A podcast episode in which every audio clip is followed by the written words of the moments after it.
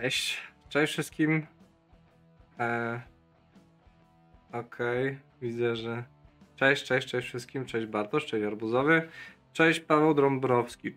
Teraz pytanie po prostu na start standardowo. Czy mnie słychać dobrze? Czy um, widzicie czat? Czy um, dobrze mnie słychać? Czy nie przeszkadza muzyka w tle? To też powiedzcie, bo wolę się teraz dowiedzieć, żeby nie zakłócało to po prostu całego streama. E, napiszcie w komentarzu, że jest ok i będziemy zaczynać. Oczywiście patrzę tutaj, czy się nic nie skrzeniło. Widzę, że mamy widok czatu, muzyczka gdzieś tam leci w tle. Dajcie znać, czy wszystko ok. Dobra, fajnie. Witam serdecznie na e, streamie Okiem Deva, e, na live e, Ask Me Anything, na cóż, tysiąc subskrybentów, no bo nigdy nie myślałem, że do tylu dobiję. Bardzo dziękuję za zaufanie. I cóż, nazywam się Grzegorz Wotroba, czyli prowadzę tutaj Okiem Deva. Pracuję sobie w Game Devie już 12 lat, a obecnie pracuję w Full Theory i to już pewnie wiecie, E, pracuję też e, w projekcie Kinds Majoris, czyli mm, remake'u pierwszego Wiedźmina i do tego pytania też dojdziemy, bo tam było jakieś e, tego typu. Pozbierałem wszystkie pytania ze wszystkich maili, z komentarzy w e, socialach, z komentarzy pod filmikami, ale jeżeli byście nie zobaczyli swojego, to po prostu napiszcie jeszcze raz. Cały czas piszcie też pytania w czacie, postaram się je wszystkie przejrzeć. A teraz troszeczkę tak w kolejności odwrotnej, e, alfabetycznej e, przejadę po prostu przez pytanie, które zadawaliście, tylko sobie zmienię widok na o, taki. Tutaj mamy wszystko ładnie pomontowane. No to jedziemy z koksownią. E, tak więc po pierwsze e, Bartek Filip Malinowski, czyli kanał Okiem Deva. Wielkie dzięki za pytania e, pozdróweczka i jakie są trzy najważniejsze rzeczy, które twoim zdaniem powinien wiedzieć każdy, powinien wiedzieć każdy, kto pełen zapału i naiwności zaczyna swoją przygodę w game devie. To jest w zasadzie bardzo ważne pytanie, bo odpowiedź nie jest wcale taka oczywista, jakby się mogło wydawać. W pierwszej, e, w pierwszej e, kolejności to powinna być komunikacja z ludźmi, dbanie o ludzi, E, spojrzenie poza oczubek własnego nosa, jakaś taka wrażliwość dla drugiego człowieka, to jest istotne, wydaje mi się. Trzeba się nauczyć dogadywać, trzeba nauczyć komunikować swoje potrzeby, bronić swoich granic troszeczkę.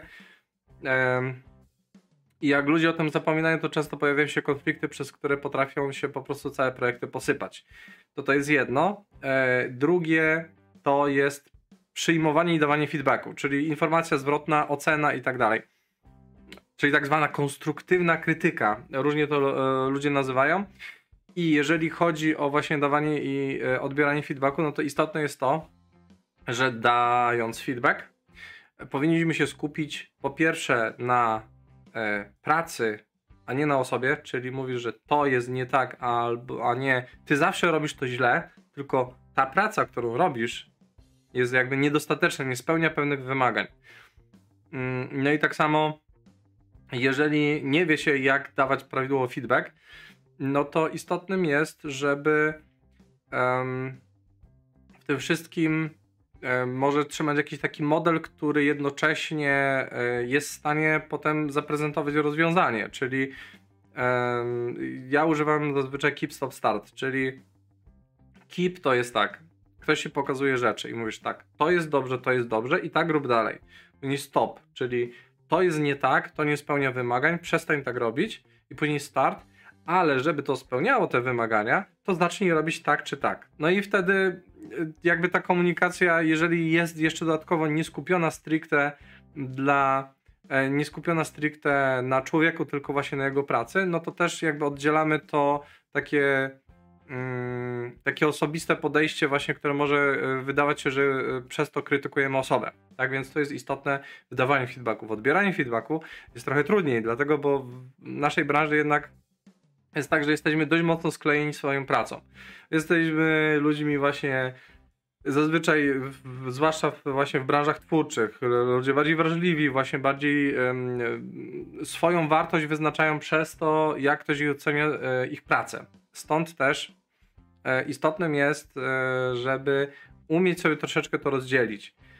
To nie jest łatwe, żeby nie było. Natomiast nie należy na pewno próbować się domyślać pewnych rzeczy, czyli jeżeli ktoś ci krytykuje pracę, nie znaczy, że krytykuje ciebie, nie mówi, że ty jesteś kijowym programistą, grafikiem i tak dalej, i tak dalej, tylko jak ktoś ci krytykuje pracę, to krytykuje to, co zrobiłeś, dlatego, bo może dzięki temu, jak wysłuchasz danej osoby, to yy, zrobisz następnym razem tą rzecz lepiej, więc trzeba umieć otworzyć się i słuchać drugiej osoby yy, i właśnie wyjść z tej pozycji, że już nie, bo spotkałem się z takimi sytuacjami, że ja przychodzę na przykład do kogoś z feedbackiem, że coś jest tam nie tak i on z miejsca już zaczyna mówić, zamiast, zamiast wysłuchać, to on albo y, zaczyna y, odbijać piłeczkę, czyli a to było przez was coś tam, później albo zaczyna wchodzić w syndrom o, y, jakby zamkniętej twierdzy, albo wy zawsze mnie krytykujecie, więc w tym momencie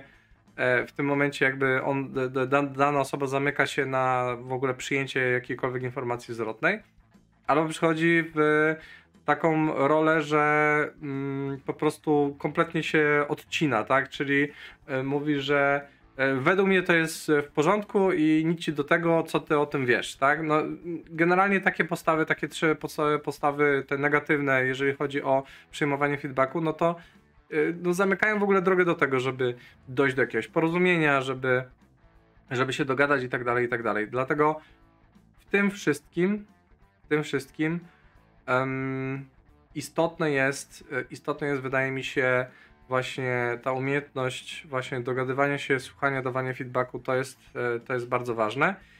No i po trzecie, e, i to wydaje mi się też bardzo ważne pod kątem merytorycznym. Jak chcecie robić gry, to to jest praca dla pasjonatów, ale tworzona przez pasjonatów i warto jest interesować się grami, a niekoniecznie tylko graniem. Tak, większość graczy interesuje się granie, prawda? Czyli e, wychodzi jakaś fajna gra, no to o, spoko sobie kupię, pogram, posiedzę 10 godzin, zarwę nockę, nie wiem, spędzę 1000 godzin w LoLa, każdy ma swoją tutaj ulubioną powiedzmy pozycję, każdy ma swoje ulubione gry ulubione serie i tak dalej. I to jest spoko, tak. Interesować się graniem warto. No, game, e, game developer, który nie gra, troszeczkę pod, sam sobie podcina, podrzuca sobie kłody pod nogi, dlatego, bo no jeżeli nie gra, to ja, skąd wie, jak się rozwija rynek, e, co jest trendy, co na przykład dobrze żre, e, jak e, prowadzić jakieś nowe rozwiązania, no zamyk, po prostu człowiek się wtedy zamyka na pewne rzeczy, więc tego no, zdecydowanie nie warto robić. Natomiast to jest tylko jeden element, ale warto się interesować grami w ogóle, czyli właśnie oglądać wykłady, jeździć na konferencje, doczytywać, interesować się w swojej działce, ale i nie tylko tym, y, jak, jak, jak się wykonuje pewne rzeczy, bo wtedy poszerzamy sobie troszeczkę ten mindset tego, że mm, jakby zaczynamy zauważać, że poza naszą działką inne są równie skomplikowane i równie ważne. Więc no właśnie to zainteresowanie grami i całym procesem, a nie tylko graniem, to jest też e, istotne. E, dzięki Magziel.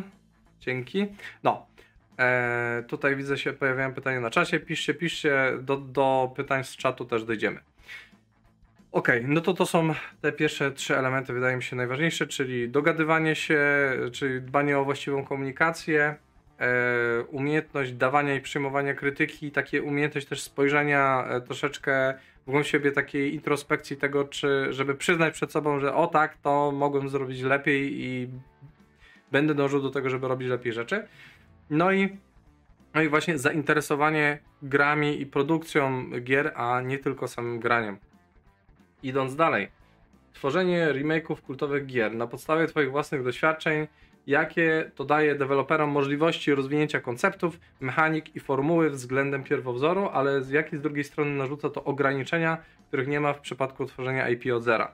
No cóż, tutaj na pewno tak. W pierwszej kolejności jest jedna rzecz, która jest istotna przy tworzeniu, wydaje mi się, to jest tak, nigdy się nikogo do końca nie zadowoli.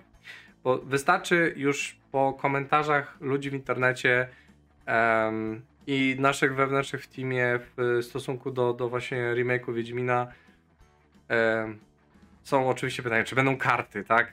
Które no naprawdę, one już były nie dzisiejsze wtedy, kiedy to było robione. Autor samego pomysłu z kartami po latach twierdzi, że to był chybiony pomysł ze względu na to, że uprzedmiotawiał kobiety i robił z nich takie Pokémony, żeby po prostu każdą, no wiadomo, żeby zebrać tą kartę. No, e, jest ileś takich mechanik, które są w dzisiejszych czasach już archaizmami, w Wiedźminie na przykład, w tym pierwszym, których no na pewno nie zrobimy, bo one dla współczesnego gracza będą kompletnie niezrozumiałe, niewygodne.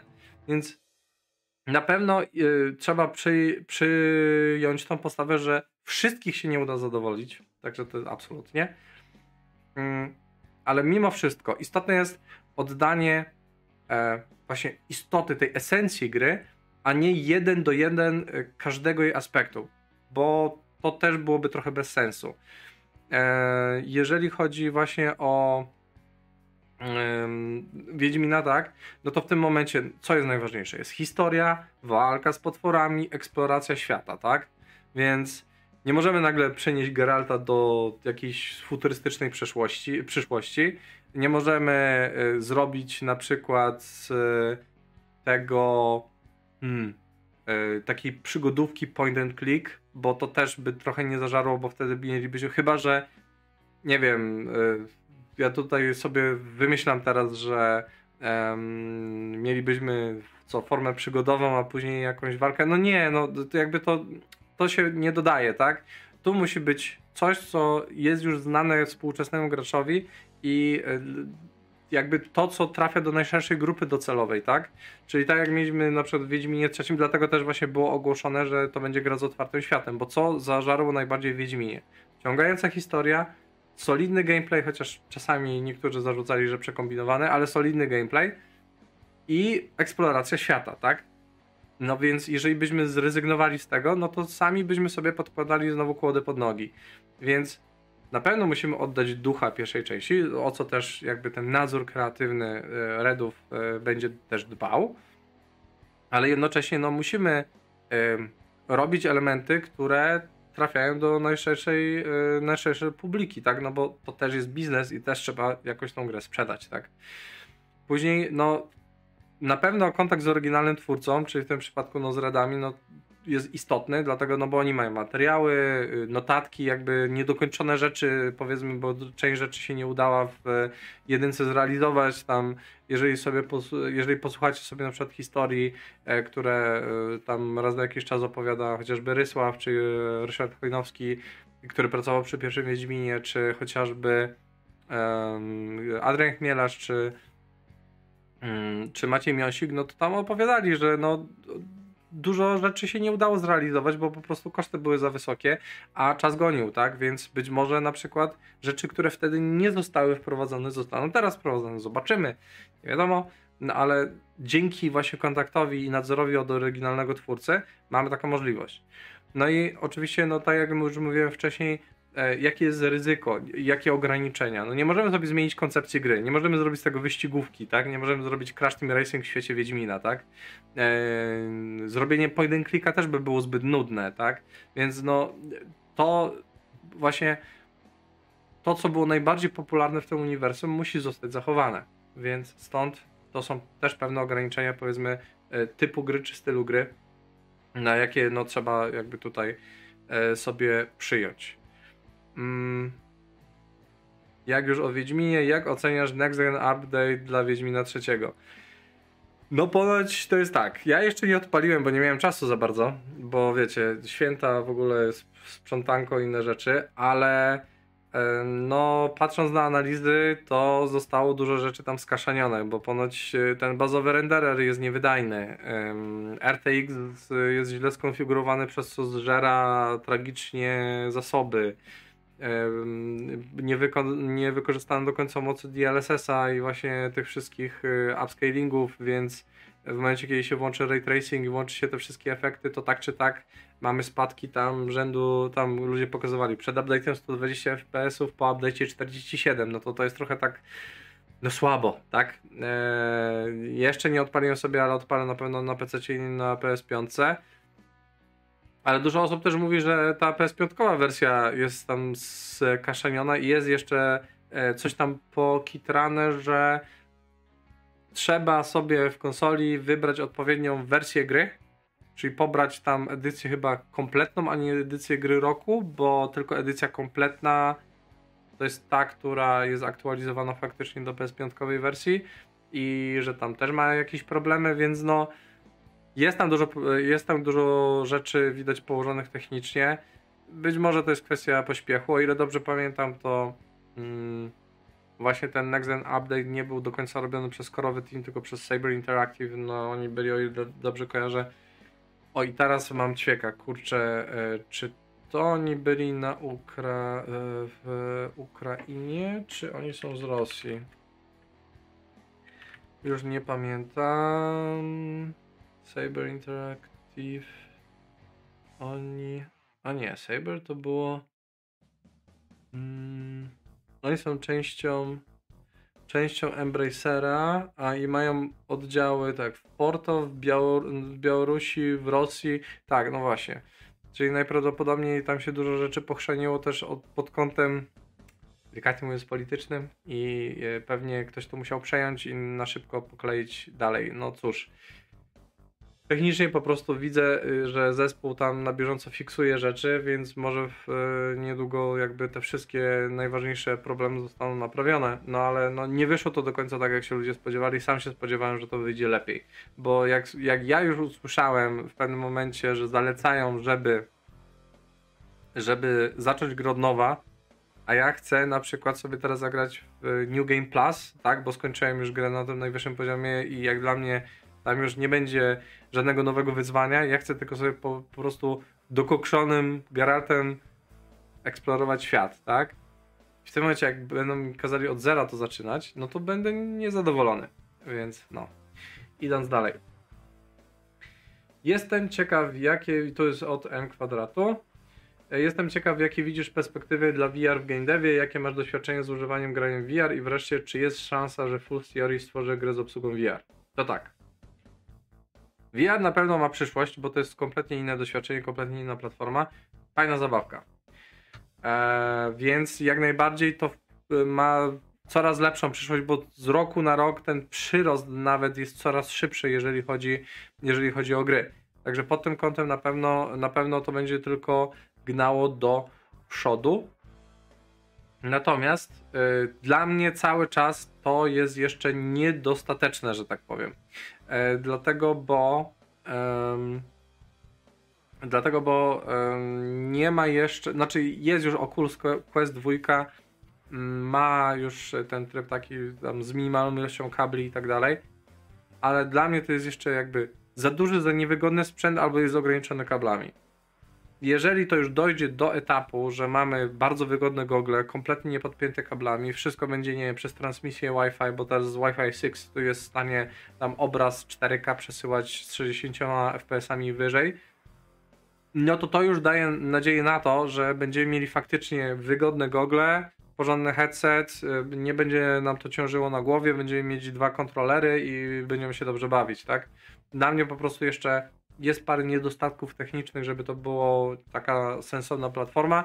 Wyczekuję bardzo PSVR 2, może w końcu wtedy kupię, bo ja generalnie jako doświadczenie, no to w zasadzie miałem miałem, siemanko, nie lubię PKS-ów i wzajemnie wszystkiego dobrego.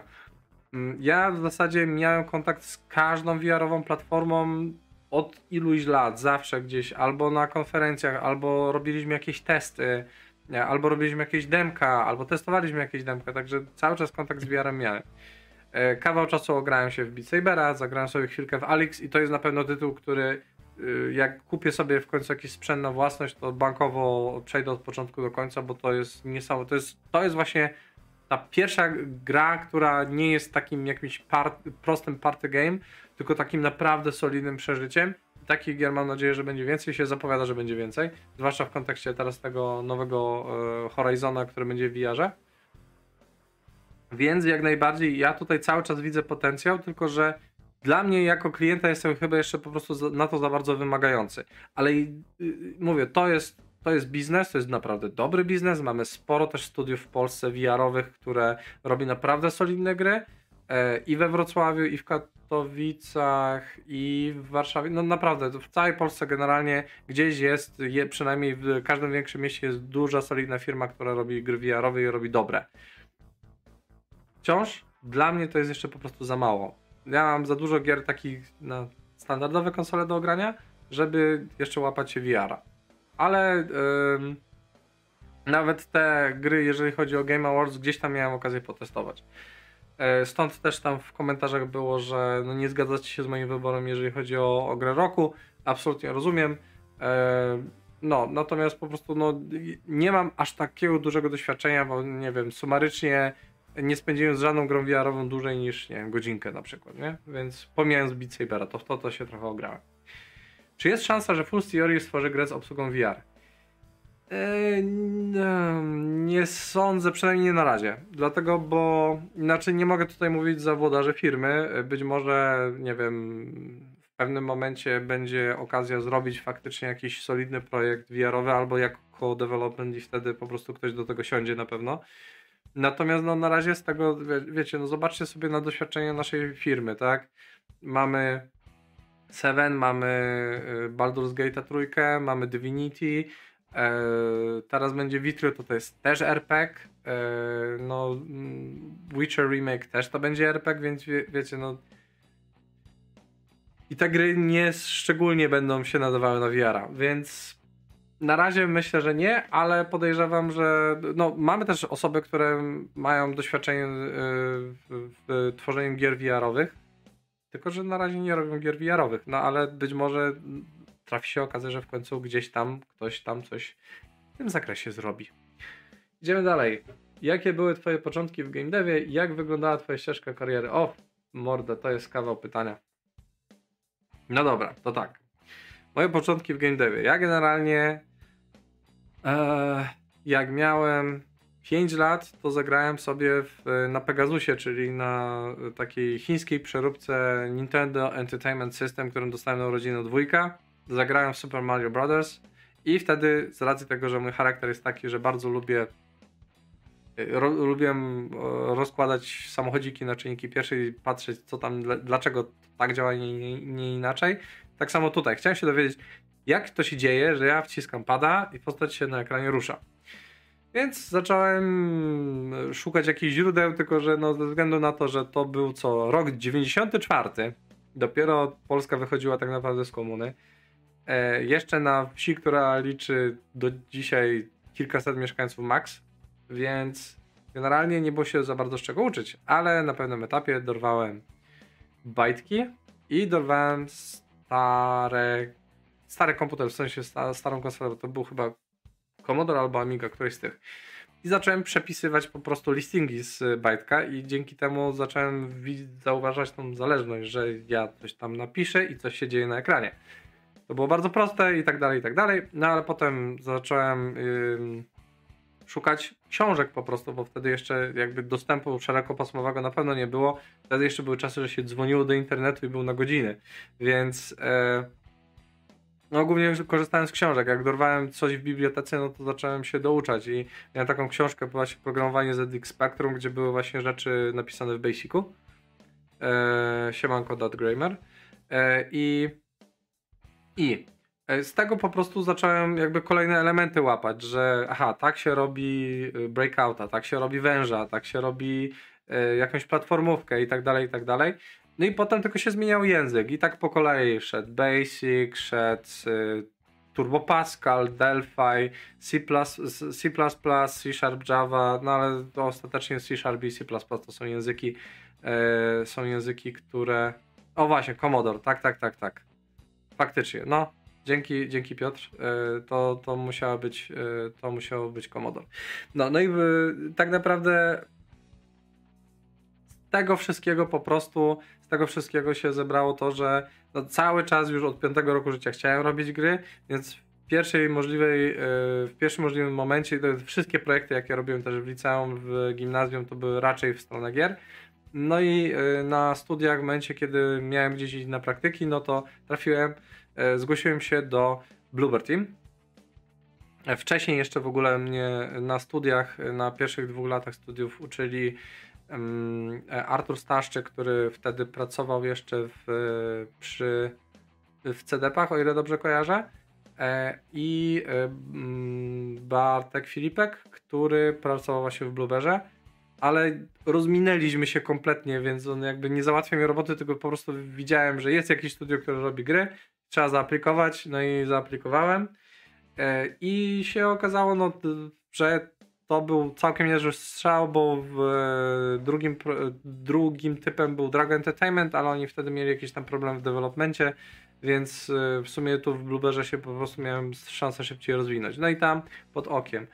E, Marzenę Gasidło, która była świetną programistką silnika, nauczyłem się masa rzeczy, tak naprawdę przez 3 miesiące, 2 miesiące, 3 miesiące z nią nauczyłem się więcej niż przez 2 lata studiów od strony praktycznej i programistycznej, bo na studiach to aparat matematyczny mieliśmy super na tym, na e, Wydziale Matematyki i Informatyki na UJOcie, ale właśnie praktykę programistyczną zdecydowanie od niej wchłonąłem, wchłonąłem e, bardziej. Mm, no i potem jeszcze e, pracowałem też razem z e, Konradem Lekieciem, który dalej jest w Blueberze, o ile dobrze kojarzę. Hubertem Rozem, który teraz ma już swoje studio już od paru lat i też robi świetne gry.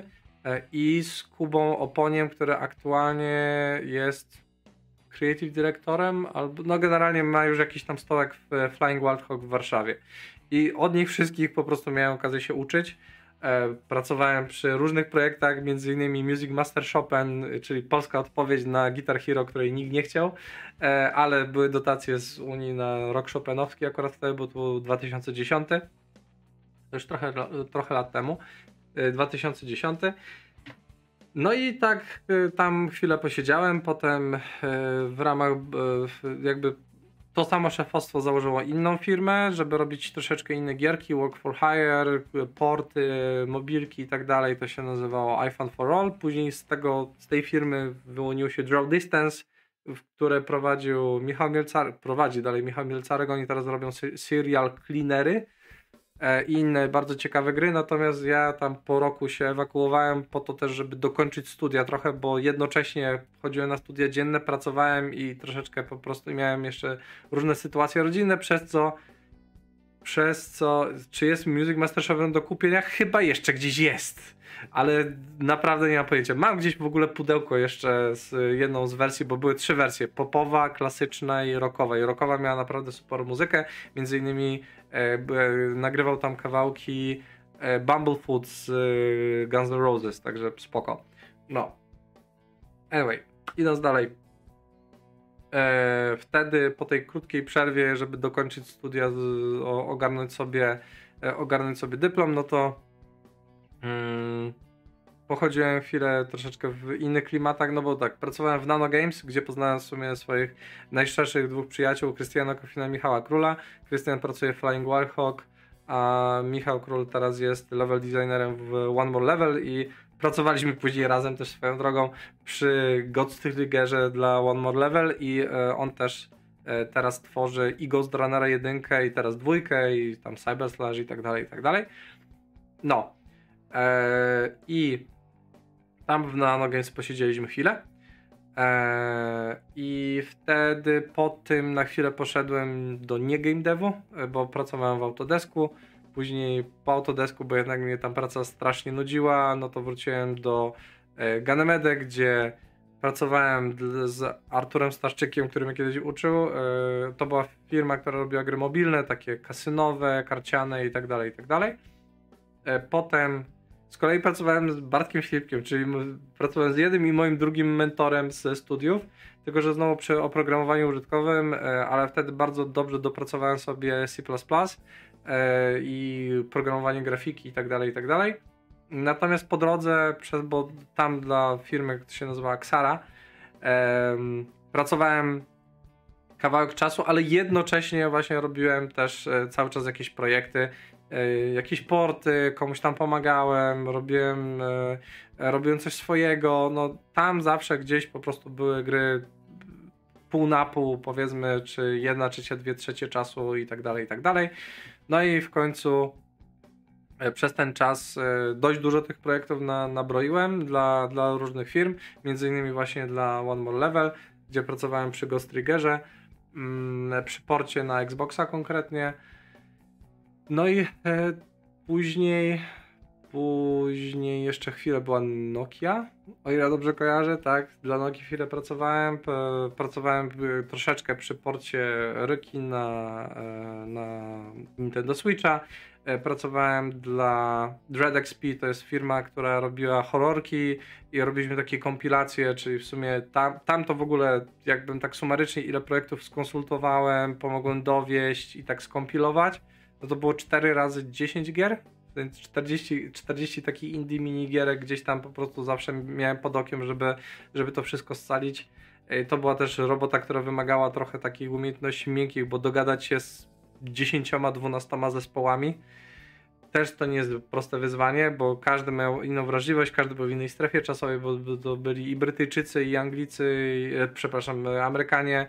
E, no, to było też śmieszne doświadczenie. I później trafiłem do Pulse Theory. E, I e, najpierw w ramach co-developmentu współpracowałem z Covenantem. E, to jest firma Stana Justa, czyli byłego też producenta Wiedźmina. I tam robiłem chwilę Gorda, czyli tą strategię taką podszytą horrorem. Mm, jest całkiem interesujący tytuł. Teraz nie wiem do końca, co się tam dokładnie dzieje w developmencie, ale z tego co widzę, no to tam co chwila wrzucają jakieś ciekawe informacje, więc myślę, że to idzie w dobrym kierunku.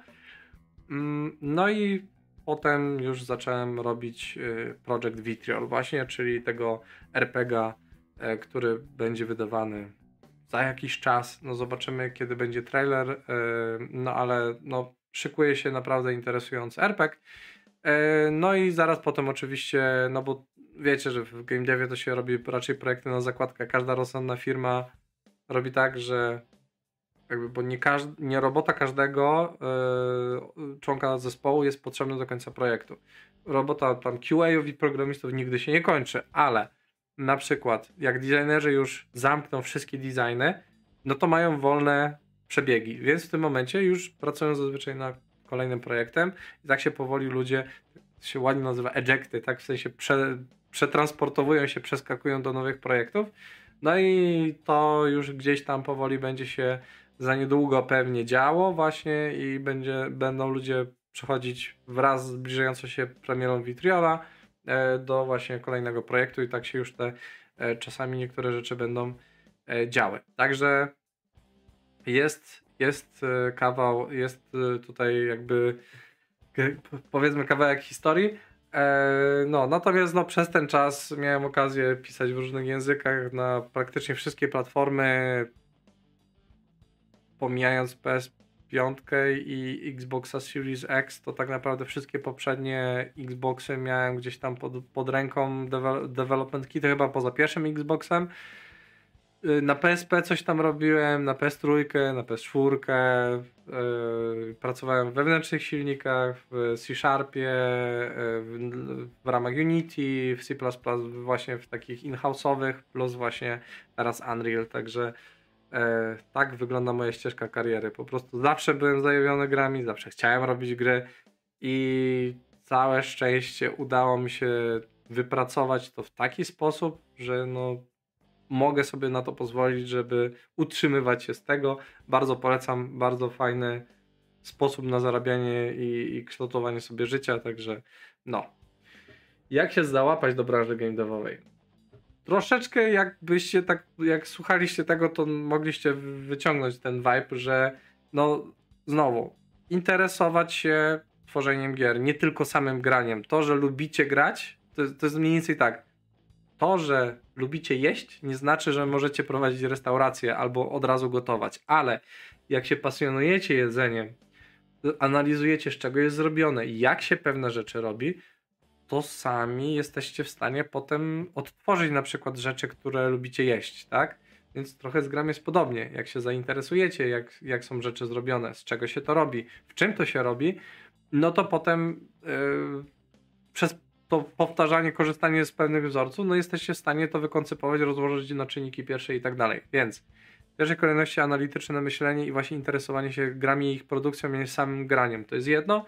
Drugie, e, E, tutaj o pytanie związane. W jakim języku najlepiej Ci się pracowało przez całą dotychczasową karierę? No C++. C++ to jest e, wydaje mi się taki najbardziej uniwersalny, najszybszy język. Znaczy mam w nim największe obycie, bo praktycznie od samego początku kariery, czyli ze 12 lat, no, pracowałem głównie z tym. 8 lat z C-Sharpem. I to, więc mam jakieś tam porównanie. No ale C dla mnie jest najlepsze, wydaje mi się. Póki co. No zobaczymy, może Rust będzie takim, który e, za jakiś czas wejdzie, ale na razie po prostu no, żadne z chociażby konsol nie obsługuje jeszcze Rusta do, do końca, więc no. Co dalej? I wszystko potem, jak już mamy to zainteresowanie i to jak się jest, jak, yy, jak morderstwo i poce na silnikach, to chyba spoko entry point. Co? Nie rozumiem.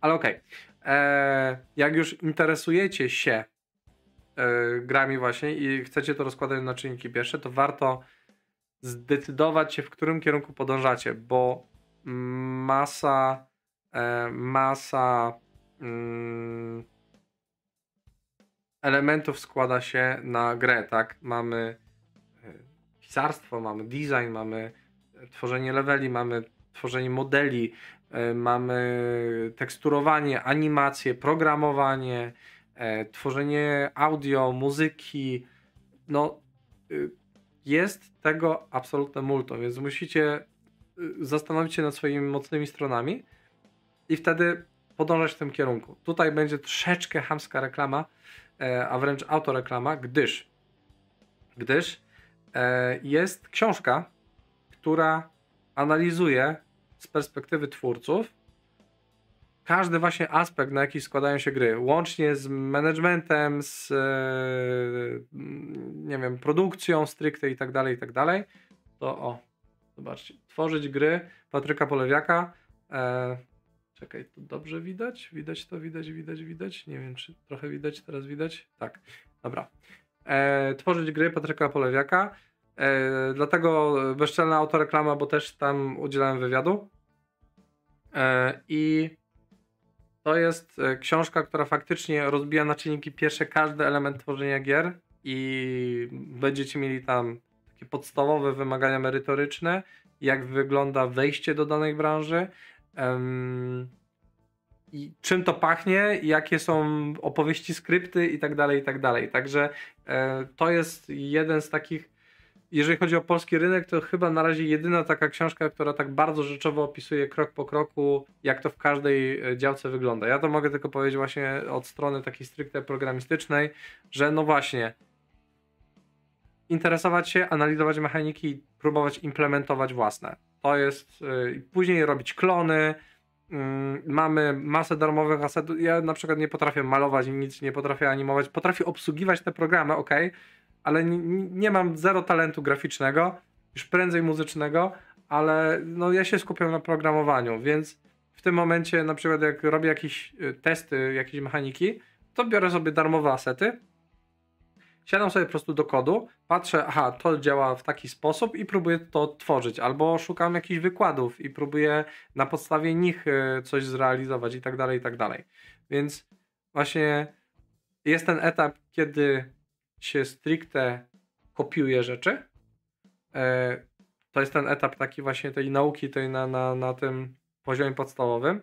Potem ewoluuje się te rzeczy, czyli mamy już ileś tych znanych nam mechanik, ileś tam znanych elementów i robimy z tego taki remix w coś nowego kompletnie, a potem na trzecim etapie wymyślamy już coś od zera, bo wiemy, jak z tych elementów, których my kiedyś re remiksowaliśmy rzeczy, jak one jeszcze niżej są zaprojektowane i z tego jakby czerpiemy wiedzę do tego, żeby stworzyć coś kompletnie od zera. Także to są takie, takie trzy elementy. No i idąc jakby tym, tym tropem i y, tym właśnie ciągiem zdarzeń, tak, tym tymi działaniami, no to jest szansa właśnie, żeby y, być wartościowym pracownikiem, tak? No i jak się załapać? No na pewno przeglądajcie takie strony, jest e, Skillshot na przykład, w których są oferty, tam na pewno jest dużo ofert e, też dla juniorów. E, róbcie coś swojego, budujcie portfolio. Wydaje mi się, że każdy każda osoba, e, każda osoba, która jest częścią game developmentu, mm, jest w stanie budować swoje portfolio. Czyli tak, programista może właśnie robić jakieś mechaniki ciekawe. Animator animacje, grafik wiadomo, 2D, 3D, e, twórca audio, dźwięki, muzykę i tak dalej, i tak dalej. Mm. No właśnie, e, to, jest, to jest jedno. E, tutaj właśnie Dat Grammar pisze bardzo dobrze, że koło naukowe twórców gier Polygon na Uniwersytecie Warszawskim też fajnie pokazuje temat game devu dla nowych. Wejście jest otwarte dla każdego. No właśnie, do, do, do tego jeszcze dojdę. E, czyli ogłoszenia i budowanie portfolio. Potem networking. Tak, networking, czyli e, chodźcie po prostu na spotkania branżowe. E, my w, we Wrocławiu, bo aktualnie mieszkam we Wrocławiu, mamy tak. Pogradajmy, game devowe pogradajmy z raz w miesiącu, yy, gdzie przychodzą i gracze, i game devy i też można załapać kontakt. Potem mamy game devowe pogaduchy raz na tydzień i to prowadzą yy, ludzie też z szkoły uniwersyteckiego i tam poruszają jakieś tematy związane właśnie z game devem i też można podłapać kontakt.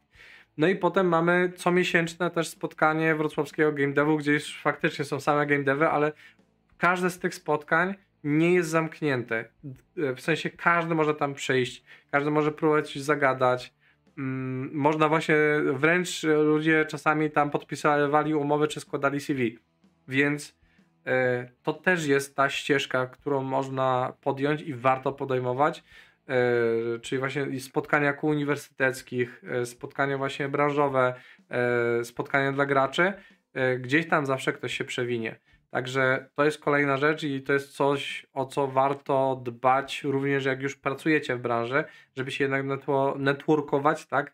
Bo dzięki temu tak, dowiadujecie się nowych rzeczy, orientujecie się w rynku. E, na przykład jesteście w stanie, jak od kogoś to wyciągniecie, dowiedzieć się, jak jesteście wyceniani na rynku, w sensie wasza praca, więc E, wtedy też, nie wiem, jak przychodzi czas na podwyżkę, to przynajmniej wiecie, wiecie ile poprosić, tak? No, jest masa różnych pozytywnych, pożytecznych rzeczy, które wynikają z tego, że po prostu e, przychodzicie gadać z ludźmi. Także networking jest też bardzo istotny.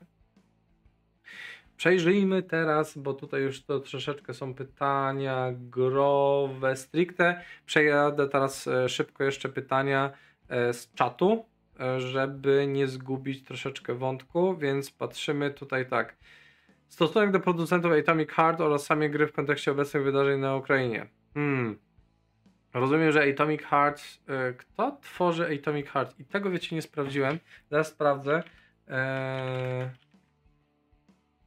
bo Mantfish, twórca Artyom Galiew, Focus Home. Mantfish to jest studio. Hmm, hmm, hmm, Skąd ona jest? Eee... Tak, mam. Siedzibę ma na Cyprze, tak jak dużo dużo, że tak powiem, e, firm game devowych, żeby oszczędzać sobie na podatkach, tak? Ale rozumiem, że chodzi wam o to, że Atomic Heart to są. To są co ludzie z y, Rosji, rozumiem, i dlatego pytacie, co. Ym, czy na przykład kupię tą grę, tak? Ze względu na to, że. E, no właśnie. Tak, tak, tak, tak, myślę, że o to pytacie w tym kontekście. To jest tak wiele, wielu Rosjan nie podziela zdania z tym, co się dzieje na Ukrainie i nie są w tej bańce takiej propagandowej. To jest jedno. Drugie, no ja będę miał na pewno opory. Jak bardzo mnie intryguje ta gra i wygląda naprawdę dobrze e, i wygląda za, zachęcająco, no to nie jestem przekonany, czy y, kupię znaczy na pewno nie kupię tej gry na premierę, bo nigdy nie kupuję gier na premierę poza godoworem tak naprawdę. Więc no, tu pod kątem politycznym no, mam opory, musiałbym zobaczyć e, tak naprawdę jak e, podchodzą do tego wszystkiego twórcy. Bo na przykład zauważcie, że chociażby Wargaming, który mm, miał tam siedzibę w, chociażby też na tej w Białorusi, no to w momencie, kiedy jeden z producentów wyraził aprobatę dla napaści Rosji, to w tym momencie zwolniono go w cholerę, w ogóle firma się tam gdzieś poprzenosiła i tak dalej, czyli oni też dbają o to, że jakby też pokazują tym to, że nie podzielają e, pewnych filozofii, tak, więc no tutaj trzeba by było to sprawdzić. Yy, natomiast no, na pewno Atomic Heart, tak jak żadnej innej gry nie kupię na premierę, yy, zastanowię się jak doczytam po prostu jak tutaj podchodzą twórcy do tego wszystkiego.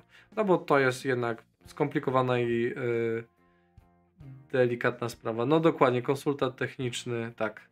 O, cześć bez to cześć, yy, cześć Bartek. Mm, dobra, e, to dalej. E, teraz na streama teraz streama robisz jak tu gorączka przedświąteczna. No kiedyś trzeba, no właśnie z racji tego, że jest gorączka przedświąteczna. E, ja jutro, już tak, dzisiaj byłem na zakupach, jutro będzie gotowańsko i potem jadę do siostry na święta, także e, no. Więc, ale e, tutaj, bo Mike Ziel pisze to i e, tak, to wszystko i tak wrzucę później w nety, więc e, sobie po prostu odsłuchacie Potem, jak oceniasz NSGA Update, to już było. Piotr mnie poprawił, dzięki, yy, o, która platforma, której listingi były, były w. Yy, dobra. Yy, remake'i zazwyczaj wiążą się z nagrywaniem yy, albo zupełnie od nowa dialogów, albo ich części. Jestem ciekaw, jak to będzie w przypadku yy, remake'u Wiedźmina i czy do, do roli powróci Jacek Ryzynek. Nie wiem, nie mam pojęcia. Yy, to tak, Music Master Chopin jest gdzieś do kupienia, być może y, musicie szukać, ale to będzie gdzieś za grosze albo w, raczej już w koszach w supermarketach. Jak postępy z remake'iem Wiedźm Wiedźmaka? In progress, tyle mogę powiedzieć. Mm, później e, w jakim języku najlepiej Ci się pracowało? To już mówiłem. E, tu dzięki za poprawkę. Tak, panele na GTC, no właśnie, dokładnie. To jest to, jest to co mówię, zainteresowanie grami i produkcją. E, GTC Vault generalnie w ogóle jest. Ja zebrałem kiedyś, polecam, jak jeszcze ktoś mnie zna. A prowadzę.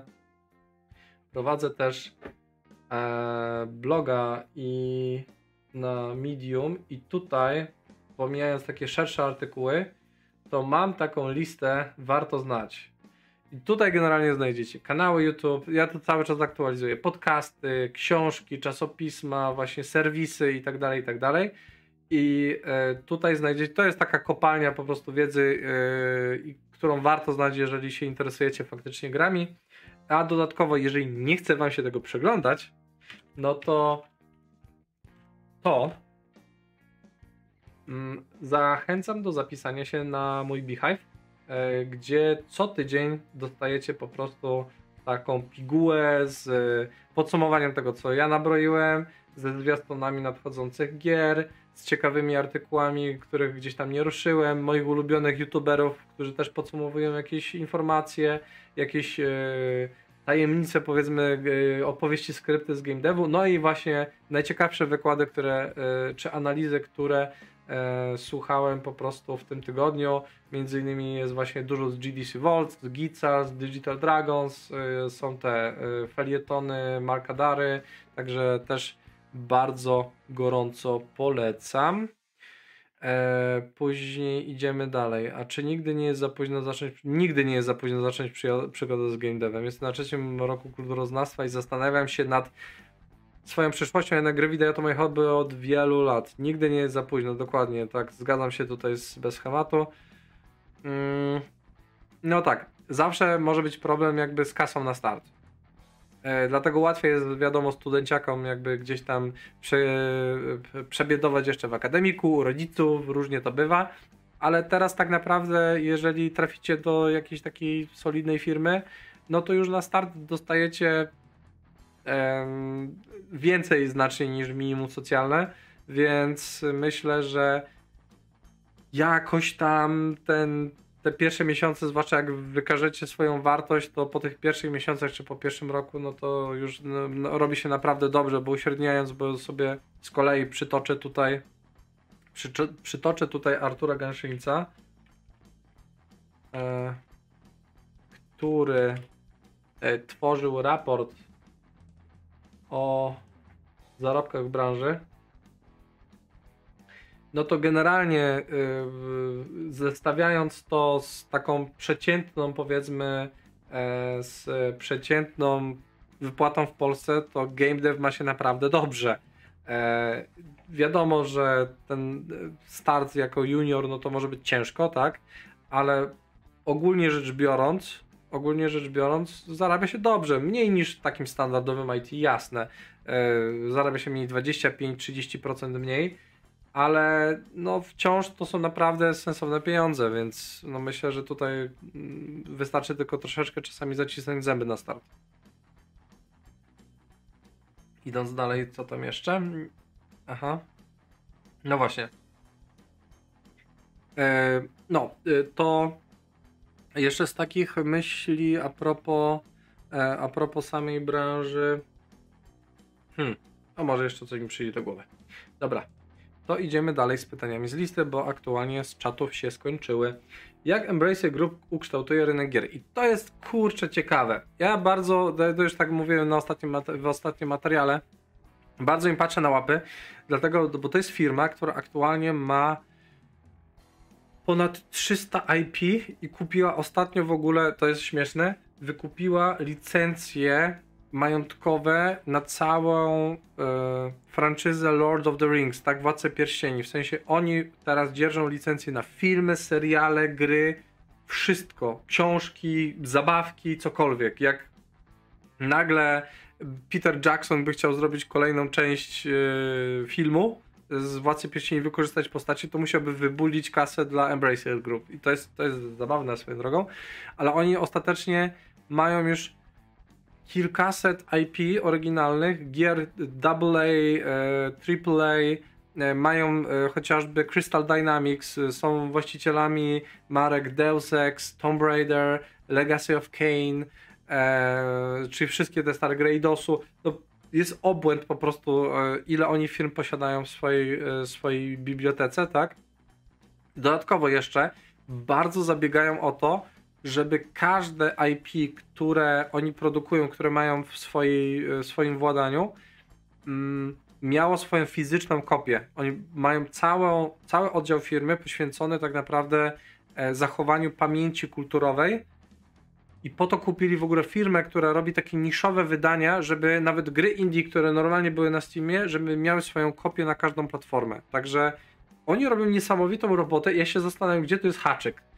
Bo E, no właśnie oni robią takie konsorcjum, ale jednocześnie nie wpierdzielają się ludziom w robotę, dlatego, bo e, o ile dobrze kojarzę, to chociażby polskie hogi, e, które są własnością Coach Media, są własnością Embracer Group już teraz. I na przykład jak ostatnio mm, rozwalili jedno ze studiów, to, które robiło te Hitman Go, Lara Croft Go i tak dalej, i tak dalej, czy tam Tomb Raider Go, nie wiem jak to się tam dokładnie nazywało, Mm, to była firma na kilkadziesiąt osób e, i robiła tak gry mobilkowe. One miały takie sobie wzięcie. No i e, ogłosili, że robią Tomb Raidera, rozwalili taką tą firmę na kawałki, w sensie zamknęli całkiem studio i tych ludzi po prostu zrobili z nich nowe studio i przekierowali ich do tego, żeby pracowali nad Tomb Raiderem. Więc i to, bo to jest po prostu wszystko w ramach jednej dużej firmy. Więc widzę, że oni tak, w miarę dbają o pracowników, bo oni tam ogłaszali, że jak Square Enix Montreal. Tak. Yy, właśnie wygląda na to, że tak, dbają o pracowników, dbają o IP, dbają o pamięć kulturową i cały czas zbierają nowe firmy. Oni zakupili przez ostatnie dwa lata kilkadziesiąt firm. To jest yy, kilkadziesiąt w ogóle konsorcjów, które jeszcze w sobie mają ileś tam firm. Także no, wygląda to obłędnie, ciekawie, ale no trzeba zachowywać tutaj yy, uwagę. Dobra. Idąc dalej. Arbuzowy. Dzięki za kolejny materiał. Mam ważne pytanie Grzegorza, bo wygląda, że nie stronisz od JRPG-ów. No przecież, kurde, przecież y, Final Fantasy od y, wszystkie części ograłem, y, łącznie nawet z tym MMO. I tak, Jak jeden w miarę świeży, powiedzmy z ostatnich 10 lat tytuł poleciłbyś komuś, kto chciałby zobaczyć, co najlepszego ten gatunek ma obecnie do zaoferowania? Wychowałem się na JRPG w latach 90., ale latka lecą, obowiązków więcej, czasu mniej. Wszyscy to dobrze znamy, mamy wielką ochotę zobaczyć, jak ewoluował gatunek i jestem w stanie poświęcić dziesiątki godzin na jeden mocny tytuł z solidną fabułą mechaniką. No to jeden mocny tytuł, który pozbiera, mm, który pozbiera e, wszystkie najlepsze patenty z ostatnich lat w JRPG-ach to jest Xenoblade Chronicles. Dowolna część, ta w sumie ta pierwsza jest super i ta ostatnia jest, ta, ta druga jest taka, o, ale też jest ok. Więc Xenoblade Chronicles na pewno e, odhaczy wszystkie najważniejsze rzeczy, o które chodzi w JRPG-ach. To to na pewno. E, potem mamy potem mamy no serię innych ciekawych tytułów, myślę. Mm mamy na przykład tak, Nino Kuni, które jest teraz e, praktycznie na każdej platformie, które jest takim klasycznym JRPG, jest prześliczne autentycznie. Później mamy e, Talesy, Tales of Arise chociażby niedawno, Dragon Quest 11, która też wyszła na wszystko, była, nie wiem czy jeszcze nie jest w Game Passie, czy już jej nie wyrzucili stamtąd, ale no jest dość tania, a naprawdę to jest taki też kondensacja tego, co najlepsze w JRPG, wygląda super i w ogóle. Ciekawostką jest Yakuza Like a Dragon, um, później Fire Emblem, to, to jest na Switcha, Persona 5, o Persona, to jest w ogóle cudeńko, absolutne, więc też e, bardzo polecam. E, Finala nowego e, no, jest jeszcze masa oczywiście remake'ów Chrono Triggera i takich innych rzeczy, no ale teraz wyszło masę masę gierek, e, które właśnie nawiązują do Chrono Triggera, e, chociażby Live Alive czy Octopath Traveler, więc no tych gier naprawdę nie brakuje. No dlatego mówię, że jedna gra nie istnieje jedna taka gra, ale taka, która na przykład wygląda jak Chrono Trigger, no to Octopath Traveler na pewno to jest, to jest ten system, który gdzieś tam czuć, czuć pod spodem i, i jest to naprawdę przepiękny, przepiękny tytuł. Dobra. Co fan Final Fantasy sądzi o Star Ocean? Eee. Star Ocean zawsze było tą grą, która dla mnie jest taką. E, to jest taki JRPG, tylko że taki bardziej bezmyślny. No bo ja kiedyś dosłownie przysypiając jeszcze przechodziłem tą grę, po prostu wciskałem, maszując jeden guzik. Tam nie ma tego elementu taktycznego tak bardzo rozwiniętego jak Final Fantasy, a w szczególności Final Fantasy Tactics, ale generalnie e, też lubię Talesy. Raz na jakiś czas, nie każdą, nie każdą część grałem, żeby nie było, ale to jest, to jest po prostu coś innego, coś fajnego, e, czasami siermiężnego troszkę, ale, ale wciąż e, myślę, przynajmniej warto w jednego Talesa sobie zagrać dla e, jakby wyczyszczenia sobie palety smakowej, e, growej. Mm, dobra. Idziemy dalej. Game Awards i inne gale nagród, a wpływ na branżę. Hmm. To jest tak. Z tego co słyszałem od ludzi z branży filmowej, właśnie. Tak, dla świadomości gatunku, dokładnie, dzięki Piotrze. z tego co słyszałem, jeżeli chodzi o galę nagród, no bo mamy, tak patrząc na media, bo ja się tam y, nie oglądam gal y, książkowych, tylko muzyczne, filmowe i e, growe, tak? No to tak, muzyczne są zazwyczaj dla artystów, którzy mieli jakieś rekordowe sprzedaże. Czyli to jest tak naprawdę gala y, studiów fonograficznych, które nagradzają najbardziej lukratywnych artystów w danym roku. To zazwyczaj mniej więcej tak to wygląda. Z czego teraz pamiętacie, w Grammy w tym roku jest osobna kategoria na gry, także fajnie. Później mamy chociażby Oscary, gdzie jest podobnie jak przy Game Awards, jest komisja, która analizuje w tym przypadku filmy, tam gry, mm, no i podejmuje decyzję, kto, kto wygrywa. I tutaj, w tym przypadku, e, w tym przypadku, e, jeżeli na przykład y, reżyser dostanie e, Oscara, to jest już marka, w sensie jego nazwisko jest znane. I wtedy dzięki temu na przykład producent, bazując na tym, że to będzie znana osoba, no to chętniej przeznaczy kasę na kolejny film. I często jest tak, i to o ile dobrze pamiętam, mi mówił też Borys Nieśpielak, także y, pozdrówka Borys, że w momencie, kiedy y, artysta dostanie właśnie e, Oscara, czy reżyser dostanie Oscara, to on ma zapewnioną jedną, dwie kolejne fuchy. Więc jakby dostanie nagrody gwarantuje pewien sukces finansowy. W grach niestety absolutnie tak nie jest. Dostanie nagrody to jest tylko docenienie zazwyczaj dla deweloperów od deweloperów i tyle. W sensie to jest coś, co można na przykład sobie w kolejnym trailerze wrzucić, że to jest od studia nagrodzonego gdzieś tam, albo jak się robi na przykład edycję e, gry roku, to e, można wstawić emblemat z e, daną grą. Tak, właśnie czytam teraz jeszcze czat. E, Ludwiczek Kiełbaska, Grzegorz, ale na Games Awards Plague Requiem okradli z nagrody za muzykę. Jak dla mnie to okradli Metal Helsinger, ale to jest mój gust po prostu muzyczny. Mm, no ale tak, no generalnie e, za dużo nagród poszło do Elden Ringa i do God of War.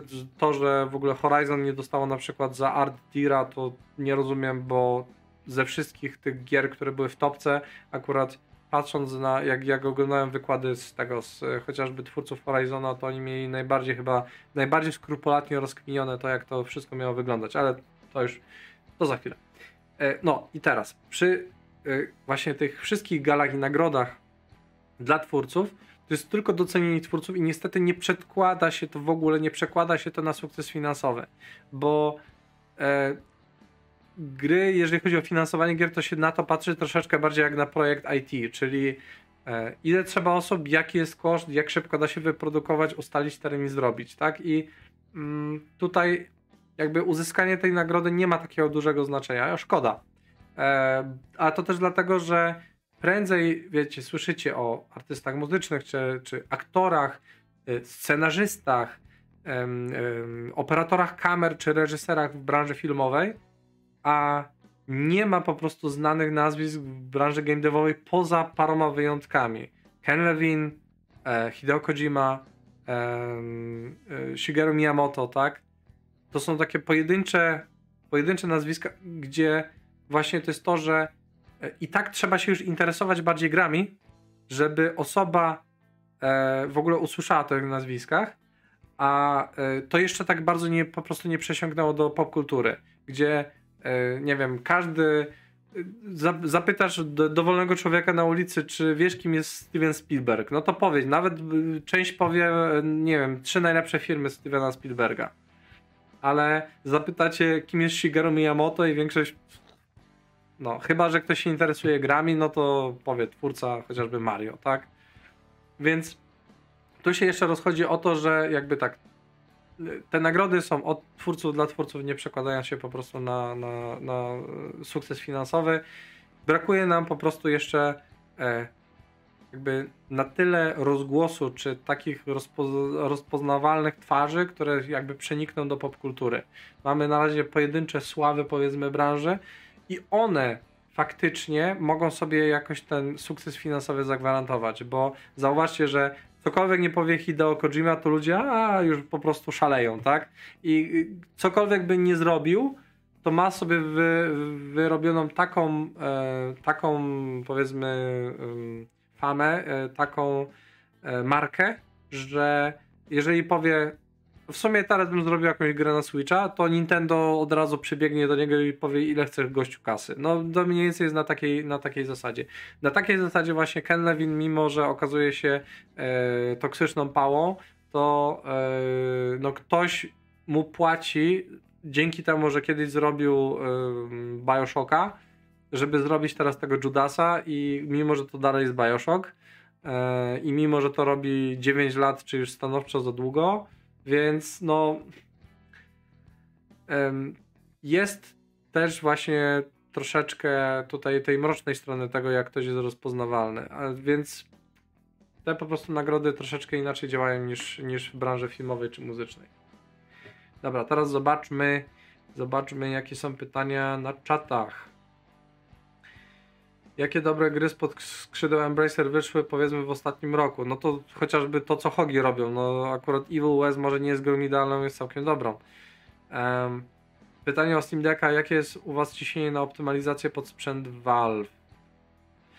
Generalnie, jeżeli się zrobi grę dobrze i bez żadnych dziwnych cudów, bez żadnych haków, to to po prostu działa z automatu na Steam Decku. Mm, na pewno będziemy to testować, bo to też warto zawsze. Zawsze jest gdzieś ta plakietka Steam Deck Compatible, co sprawi, że no też będzie to bardziej podniesione chociażby na Steamie. No ale to też jest kwestia wydawcy, żeby też o to zadbać.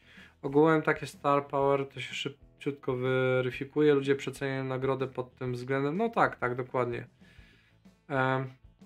mam pytanie, jestem początkowym grafikiem, początkującym chyba, grafikiem 3D i zastanawiam się, w którą stronę pójść, czy character design, czy level art, czy może jakieś inne, podoba mi się wszystko. Pytam bardziej o zapotrzebowanie.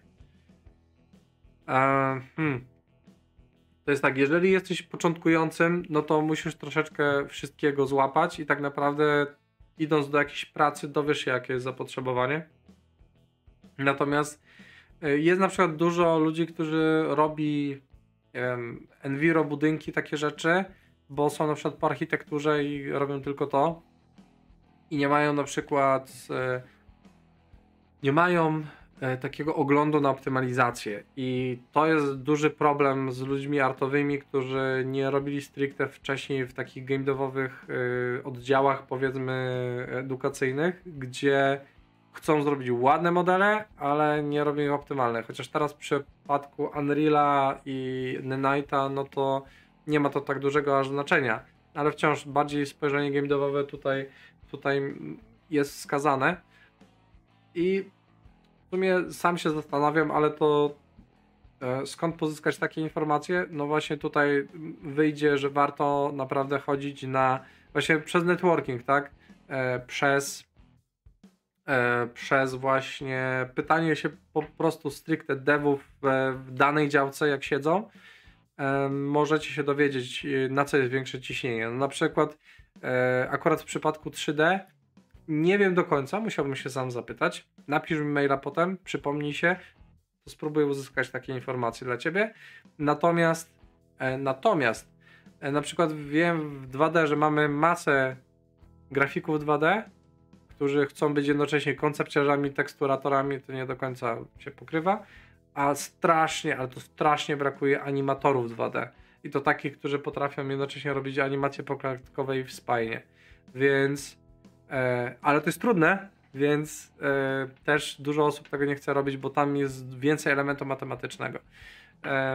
No ale nie wiem, po prostu nie jestem świadom zapotrzebowania absolutnie w każdej działce, ale jak napiszesz do mnie na okiemdeva.gmail.com to e, i przypomniesz się z tym pytaniem, to spróbuję uzyskać odpowiedź, może nawet do końca roku, także coś ci postaram się odpisać.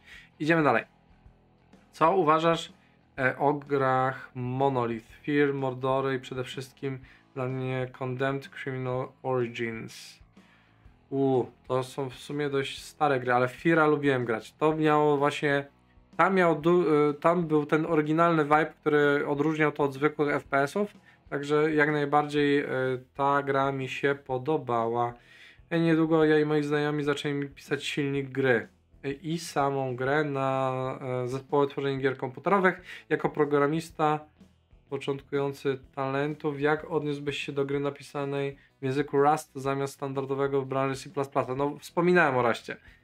E, czy nie będzie to dla nas strzał w kolano, jeżeli chodzi o kształtowanie naszych karier? Na razie Rust nie ma szczególnego zastosowania, nie ma zbyt, nie ma żadnych dużych tytułów. Ja się obawiam, że jeszcze przez chwilę nie będzie.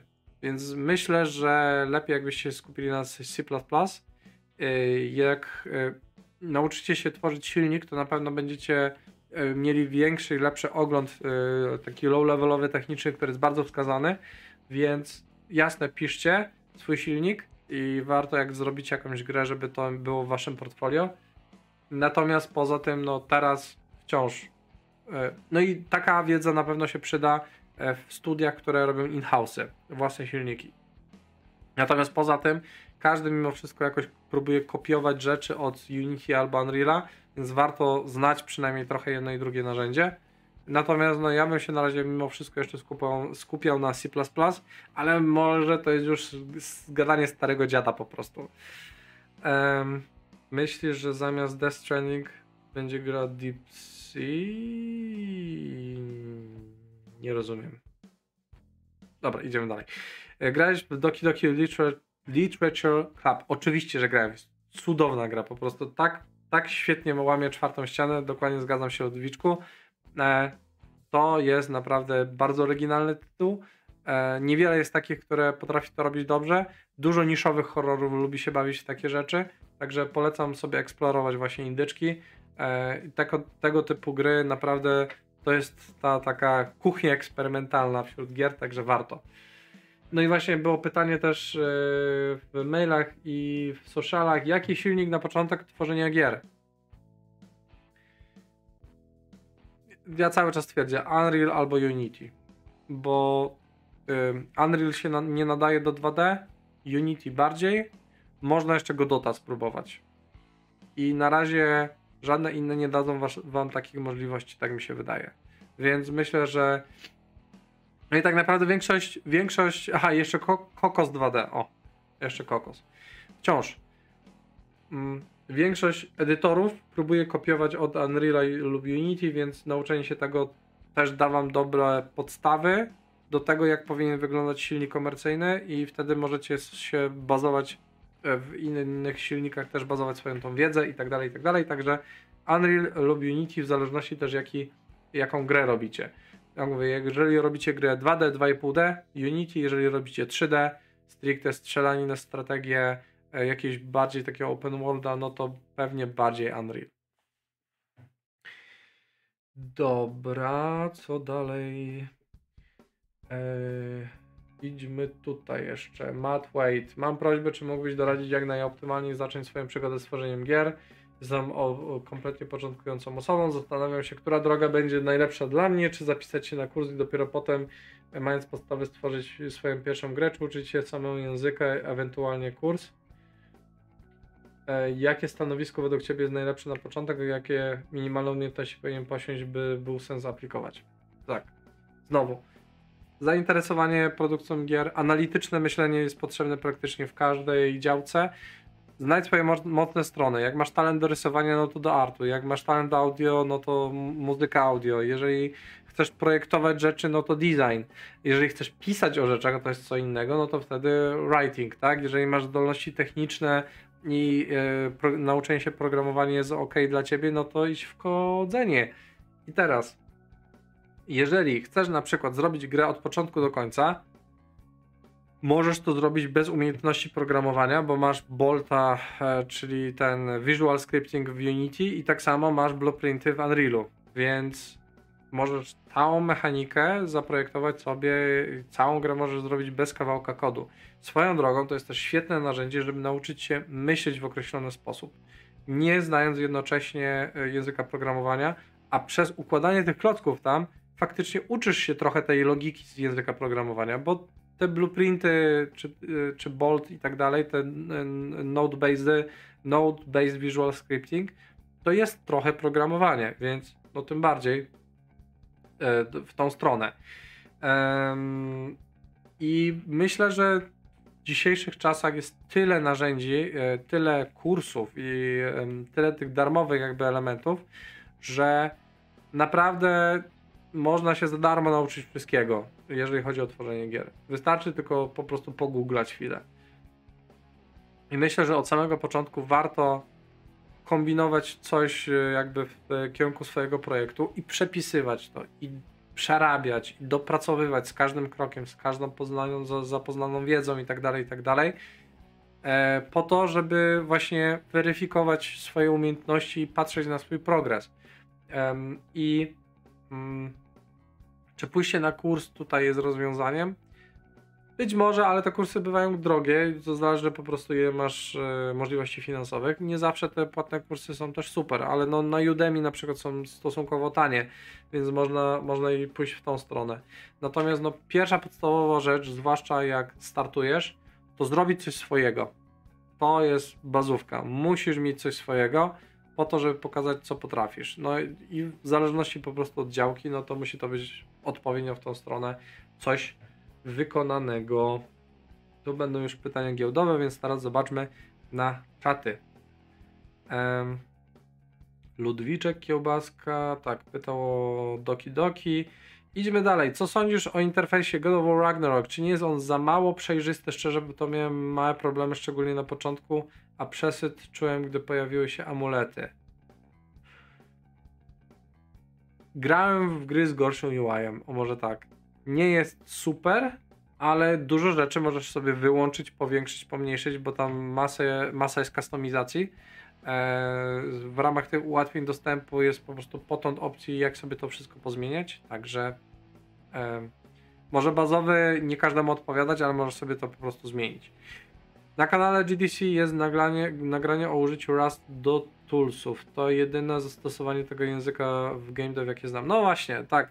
Albo po prostu albo ten język nie wykazuje na tyle zysku na razie wydajnościowego w stosunku do kosztu nauczenia się tego języka, przerobienia narzędzi, przerobienia silnika i tak dalej, i tak dalej. Także póki co raz jest ciekawostką, ale być może za jakiś czas na tyle się rozwinie, że stanie się nowym standardem. Nie wiadomo. No, na razie, no, z racji tego, że większość jednak pracuje w C Sharp i C, no to tych języków po prostu warto się uczyć. Mm, na Rasta no, dla siebie to myślę, że też warto. Idziemy dalej. Jacek Krajowski. Krytykujesz zbiorczo kiepskie spółki z New Connecta. Nie namawiam do wyliczenia, o których spółkach myślisz. O większości. Eee, powiedz może raczej coś o perełkach New Connecta. Sam liczę na Forever Entertainment i Bluebera, głównie ze względu na to, że realizują remake Legend. Hmm. Jest tak. New Connect to jest taka giełda light troszkę w stosunku do GPW. Tam się nabroiło masa spółek. Dużo to są jakieś krzaki po prostu podległe Playwayowi. Nie jestem przekonany, żeby, y, że to jest dobrze, że po prostu jest tyle spółek nabrojonych, które zbierają nie wiadomo ile kasy, a tak naprawdę nic nie robią albo robią jakieś badziewia. Więc y, niestety to też psuje wizualnie, jakby, znaczy tak, to psuje obraz rynku na zewnątrz dla inwestorów, którzy faktycznie mogliby dać kasę na dobre projekty. Stąd były te przecież jazdy z Movie Games i Road Studio, e, było z tym jest to jak oni się nazywali, już mi wyleciał, Synfabric, no to to były, to były straszne blagi, ale no jest troszeczkę tych spółek, myślę, które robią fajne rzeczy. I teraz wymienię parę faktycznie takich, które są na New Connectie, które kojarzę, albo wiem, kto tam pracuje i robią jakieś takie sensowne rzeczy. Ewentualnie no, y, też sam w niej inwestuję, bo po prostu wiem, że jest w nich potencjał. Więc tak. Seven Levels, Bluebird Team, Carbon, Creative Forge, Draw Distance, e, Forever w sumie też, e, Ice Code Games, Intermarum, One More Level, Pixel Crow, Star Wars Industries, Farm 51, United Label, i e, Warsaw Game Studios. Te kojarzę i te wiem, że robią jakieś sensowne rzeczy. Tych spółek game devowych jest pokorek tam yy, i większość no to są albo jakieś właśnie kijowe projekty, albo jakieś wydmuszki. Też nie wszystkie znam i nie wszystkie wiem co, co robią, ale właśnie te, które wymieniłem dla mnie przynajmniej mają jakiś sens. Mm. Teraz tak, Szymon Steczek. Szybkie pytanie, bo niestety zagoniony do pracy. Czy game dev, wi, game dev wideologii dla osoby początkującej to jest dobry pomysł? Jeżeli tak, to devlog stworzenie nowej gry, czy wykonanie standardowego pomysłu? Znaczy ja nikomu nie będę bronił. No, wydaje mi się, że to jest też ciekawa droga, że robi się po prostu yy, vloga o tym, jak robię grę i jeżeli e, ktoś złapie trakcję w internecie i e, będzie to jakoś widoczne dobrze, to się trafi na przykład osoba, która e, poprawi tako, takiego twórcę po prostu albo w trakcie, albo po filmiku i na przykład podpowie coś ciekawego. To może być też ciekawa forma nauki. Ja bym nikomu nie bronił. Niech robi. No jest, o ile dobrze kojarzę, już zapomniałem jak się koleś nazywa, ale ma kanał, gdzie właśnie coś tam robi i nagrywa to i opowiada o tym. E, nie analizowałem dokładnie wszystkich jego filmików, mm, ale kurczę, no zaczął robić e, takie rzeczy, no ja trzymam za niego kciuki, no niech chłop robi. Mam nadzieję, że, że po prostu to, co wyprodukuje, będzie fajne. E, idziemy dalej. Blueberry spotykają się z dość dużą krytyką na zachodnich kanałach, zarzuca im się tendencję do plagiatu bądź nadużywania zjawiska inspiracji. Bardzo politycznie to nazwało. Eee, również patent na dwa światy w medium nie wydaje się szalenie oryginalny. Co myślisz? Jeszcze trochę na to odpowiadałem, o ile dobrze pamiętam tekstem, to jest tak. Mm. Blueber, który pamiętam był zupełnie inną firmą, czy mają tendencję do plagiatu? Nikt im tego plagiatu nie udowodnił, więc y, rzucanie jakby też pojęciem plagiatu w stosunku do firmy, która jest na giełdzie, to jest takie dość ryzykowne mimo wszystko. E, I myślę, że oni też, jeżeli się inspirują, to się inspirują w ramach prawa, więc nie zrobiliby żadnego naruszenia w tej kwestii. Więc wątpię, żeby jakby robili jakieś plagiaty. Poza tym patent na dwa światy w medium ja jak zaczynałem pracę w y, Blueberry, to medium już było w jakiś tam sposób projektowane, tylko że wtedy to było grą dwuwymiarową. Więc to jest jakby design medium liczy więcej niż 12 lat. A wcześniej patent na dwie, dwa światy, no to jasne, był na przykład w mm, w Legacy of Kane Soul River, tak? Było przejście pomiędzy dwoma światami. Więc to był 90 chyba 7 rok. Stąd patent dwóch światów to jest coś, co jest w literaturze, co jest w filmie i naturalne, że jest w grach. Jednocześnie naraz prowadzenie dwóch światów, taki sposób, jaki oni to przedstawiali, no to to jest na pewien sposób nowatorski, a jednocześnie nie jest, no bo te dwa światy gdzieś tam zawsze występują w grach. Więc nie wiem, jakby ten, to, to dopytywanie się yy, tak trochę brzmiało jakby yy, może trochę złośliwie, może nie, może to jest moja interpretacja teraz, ale no ten patent jest i nie jest oryginalny zarazem, dlatego, bo właśnie motyw dwóch światów już w wielu miejscach występował, natomiast yy, natomiast prowadzenie go jednocześnie w taki sposób, jaki to było zaprezentowane w Medium, no to nie widziałem zbyt wielu grach, o ile w ogóle. Więc myślę, że tutaj na tej, na, na tej przestrzeni, no to oni jednak pokusili się o jakąś tam oryginalność. Dobra, idziemy dalej.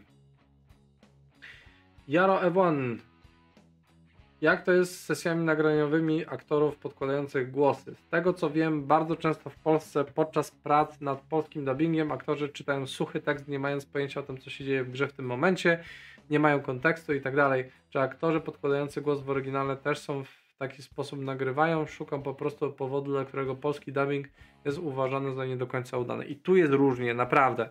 E, bo czasami jest tak, że.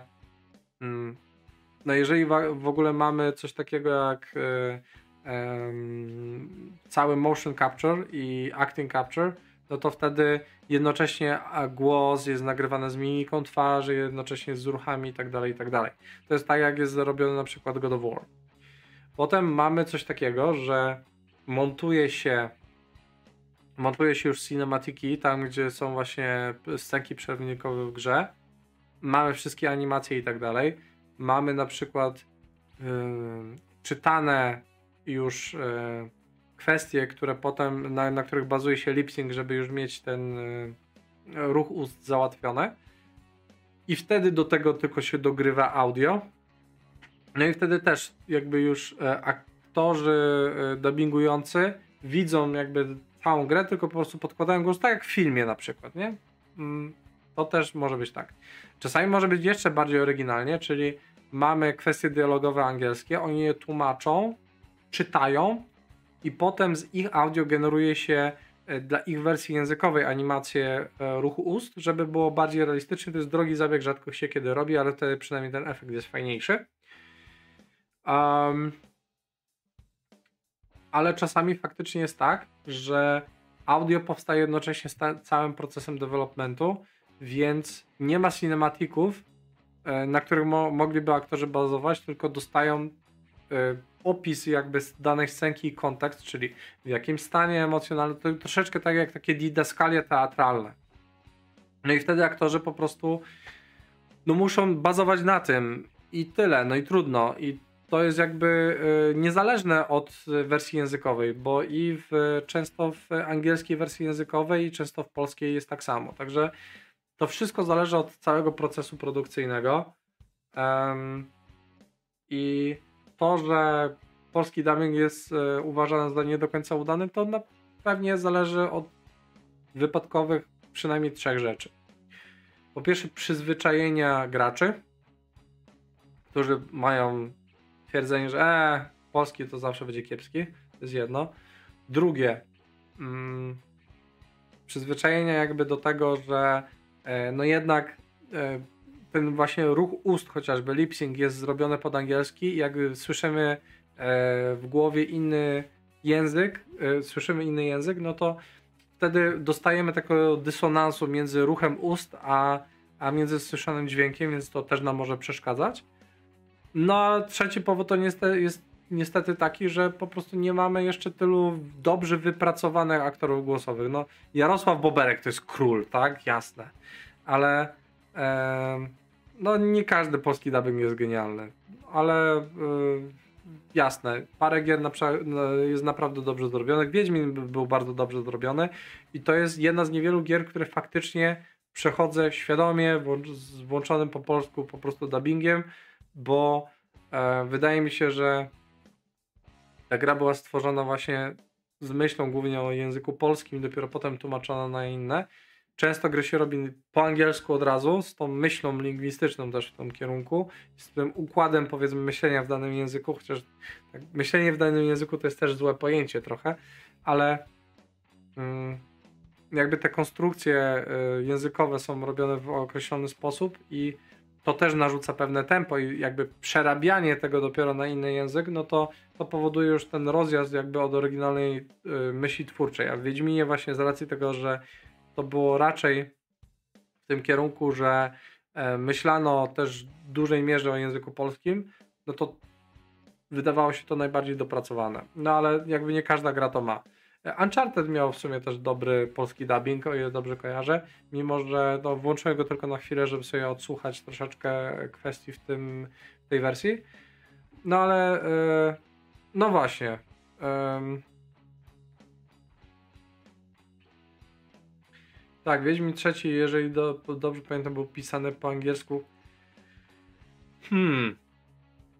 Kurczę, nie jestem przekonany. Tu musiałbym się zapytać kogoś też ode mnie z teamu, e, jak to było robione, także ja tutaj jakby nie daję sobie palca uciąć za to, ale mm, wydaje mi się, że myśl literacka tutaj też dużo miała znaczenia. Ona była głównie w pierwszej kolejności po polsku. E, dubbing w pierwszym Dying Light był tragiczny. No, nie podobał mi się też.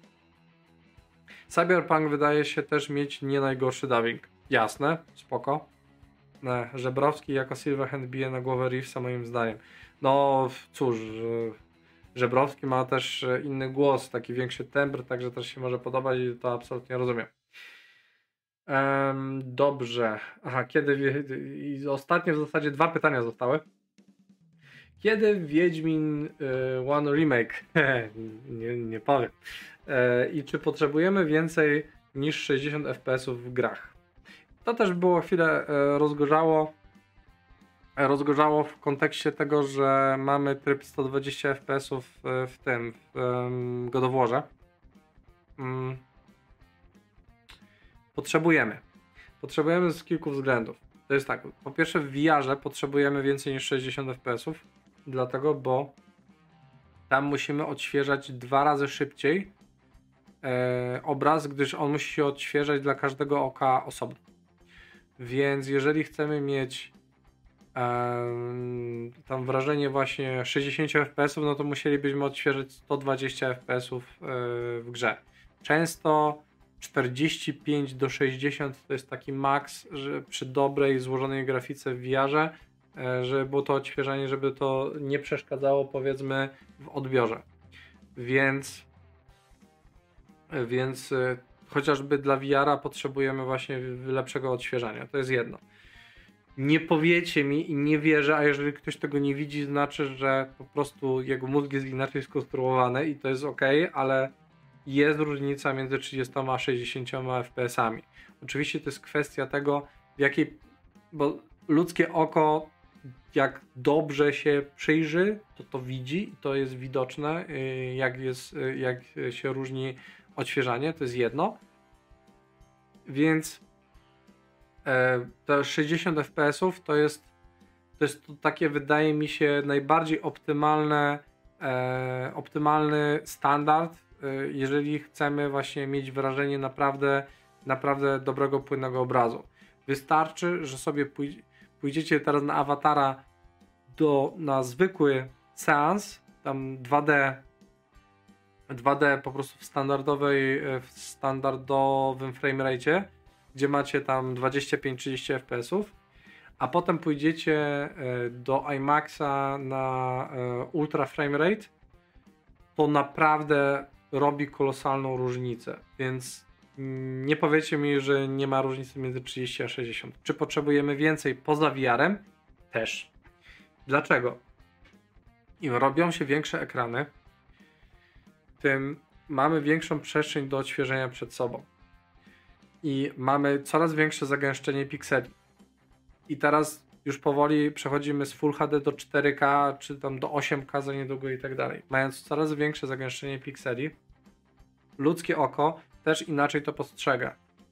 Dlatego też mamy już monitory do grania, ale i telewizory 120-144 Hz po to, że mamy im większy monitor, im większe zagęszczenie pikseli, żeby to odświeżanie obrazu było prawidłowe i żeby nie smużyło chociażby. Jak sobie zobaczycie standardowy ekran, taki bardzo tani ekran komputerowy versus taki, który ma 144 Hz i po prostu nawet szybko poruszycie myszką, to zobaczycie, że jest różnica, jest brak smużenia, wszystko ma po prostu wrażenie większej płynności.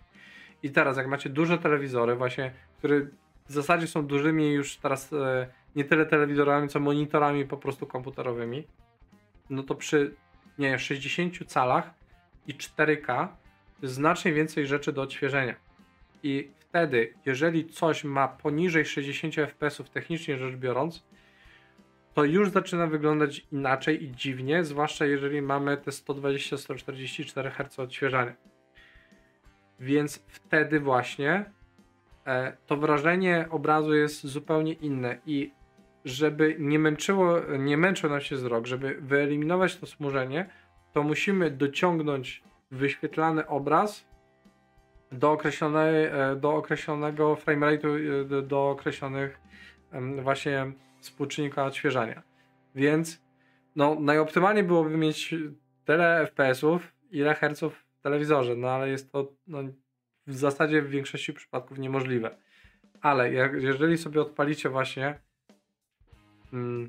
film w 30 klatkach na sekundę, a odpalicie sobie go do wora 120 Hz na telewizorze, który ma 4K albo 8K i 120, 120 Hz, to robi to naprawdę kolosalną różnicę. To wrażenie powiedzmy odświeżania, tego braku smużenia, do którego normalnie jesteśmy przyzwyczajeni, e, no daje kompletnie inne wrażenie obrazu. I teraz, czy to jest znowu tak bardzo potrzebne? Im będą większe monitory, tym tak, będzie to po prostu coraz bardziej potrzebne. Niestety. Więc też e, będzie potrzebne, żeby e, no, silniki do gier i technologia też szła naprzód w tym kierunku. Stąd też mamy właśnie chociażby upscalery, tak? które pozwalają nam na to, żeby wziąć zamiast renderować w natywnym 4K obraz, to bierzemy sobie na przykład Full HD i sobie to upscalujemy przez AI, przez y, odpowiednie algorytmy i tak dalej, i tak dalej. Więc i wtedy też jesteśmy w stanie utrzymać więcej klatek. Dzięki temu na przykład mamy w grach na PC-tach y, nie wiem, 140-200 klatek na sekundę, mm, mimo że mimo że y, tam chcemy wyświetlać jakiś obraz w 4K. Więc tak, potrzebujemy po prostu więcej, większej ilości klatek, zwłaszcza E, może tak, dla przeciętnego użytkownika zazwyczaj to nie robi aż tak tragicznej różnicy powyżej 60 klatek. Ale jak ma wielki monitor, wysoką rozdzielczość, gęste piksele, to zaczyna to robić po prostu mieć różnicę. Ten obraz wygląda po prostu gorzej, smuży, męczy wzrok itd. Tak itd. Tak no i oczywiście dla zastosowań profesjonalnych też potrzebujemy wysokiej, e, wysokiego po prostu odświeżania, po to też, żeby no, pracowało się lepiej i tyle. Dobra. Ja już się wystrzelałem z pytań. Tyle pytań zadawaliście przez ostatnie, e, przez ostatnie tygodnie, także teraz jeszcze przejeżdżam czaty i będzie czas jeszcze na ostatnie pytania. E, już e, tutaj nagrywamy sobie półtorej godziny, także jest całkiem nieźle. Jak na czas, w którym zazwyczaj już ludzie myślą o święta, tak, o świętach, także wielki dzięki, że jesteście, że słuchacie. Mam nadzieję też, że odsłuchacie sobie potem. Postaram się to całe nagranie wrzucić jeszcze. E, nie wiem, czy mi się uda przed świętami, być może tak. Mm, łącznie z właśnie z tymi pytaniami. Spróbuję dodać chaptery i tak dalej, żeby to wszystko było jakoś tam poukładane, żebyście mogli sobie odsłuchiwać to później, w zależności od potrzeby. Dobra. E, patrzymy teraz na czaty. E, czy długość gier Ubisoftu jest bolączką? Dla mnie tak. Ja nienawidzę takich poprzeciąganych po prostu Ubisoft The Game, tak samo Dying Lighta dwójki, e, te chwalenie się 500 godzinami to nie był dobry krok marketingowy, bo dużo ludzi odrzucił. E, dla mnie optimum gry to jest tak do 40 godzin. E, chyba, że mnie bardzo wciągnie. No bo na przykład Stardew Valley to już spokojnie opitoliłem na ponad 100, Hadesa też. JRPG jak mi dobrze siądzie to nawet 200, ale tak mm, najfajniej teraz bym docenił doświadczenie, intensywne doświadczenie na 10-20 godzin. Na przykład Evil West jest taki od y, Hogów. Czy y, chociażby Ghost Runner. Szczególnie, że w ramach Valhalla mogę przejść obie części The Last of Us oraz. No właśnie to jest to, że tam po prostu jest narąbane bardzo dużo rzeczy, które są takie rozwodnione. To jest właśnie, wydaje mi się, że ludzie zaczną coraz bardziej doceniać właśnie gry AA, bo one nie są rozpasłe, tak, rozpasane tak bardzo, tylko są takie gęste, w sensie mają te kilka, kilkanaście godzin, w którym dostajemy bardzo intensywne doświadczenie. Robi się szybciej i taniej dzięki temu, a nie na przykład e, taki game as service, który w większości nie ma tej substancji, nie ma, nie ma e, takiej intensywności, tylko to jest wszystko tak rozwodnione na wielki świat, ale niektórzy tak lubią i to jest ok, takie gry też są potrzebne, tylko że one po prostu nie są dla mnie. Ale żeby nie było, ja sobie tam w Valhalla coś tam o, o, e, jeszcze ogram, e, zwłaszcza, że tam powychodziły jakieś dodatki, ale wątpię, żebym ją, na pewno ją nie scalakuję być może przejdę główny wątek. Dobra, idąc dalej. Ulubiony zespół muzyczny. No, w ACDC to jest. Ja jestem starym dziadem pod tym kątem. Słucham muzyki, która jest starsza ode mnie. E, wytatuowałem sobie ACDC na łapie. Dla mnie to jest e, zawsze go-to zespół, ale też uwielbiam e, Clutch. To, był, to jest od trzech lat chyba niezmiennie y, moja topka w Spotify'u. Słucham tego kil dobrych kilkaset y, godzin w roku, gdzie średnia moja odsłuchanych godzin to jest tak kilka czy minut, przepraszam, już y, nie pamiętam jakie są stacje. Albo godziny, albo minuty, ale tam 80-100 tysięcy rocznie słucham. Także no, generalnie ACDC i wszystko wszystkie zespoły, które się tym troszeczkę inspirowały, więc hard rocki, blues rocki i tak dalej, i tak dalej. E, pytanie, przemyślenie. Czy słabe zoptymalizowanie bugi, patrz Wiedźmin Next Gen na premierę to jest w głównej mierze udawane, udawanie przez górę, że nie ma problemu chęć zarobku, a może to szerszy problem? To jest złożony problem. Dajcie mi tylko załyczyć.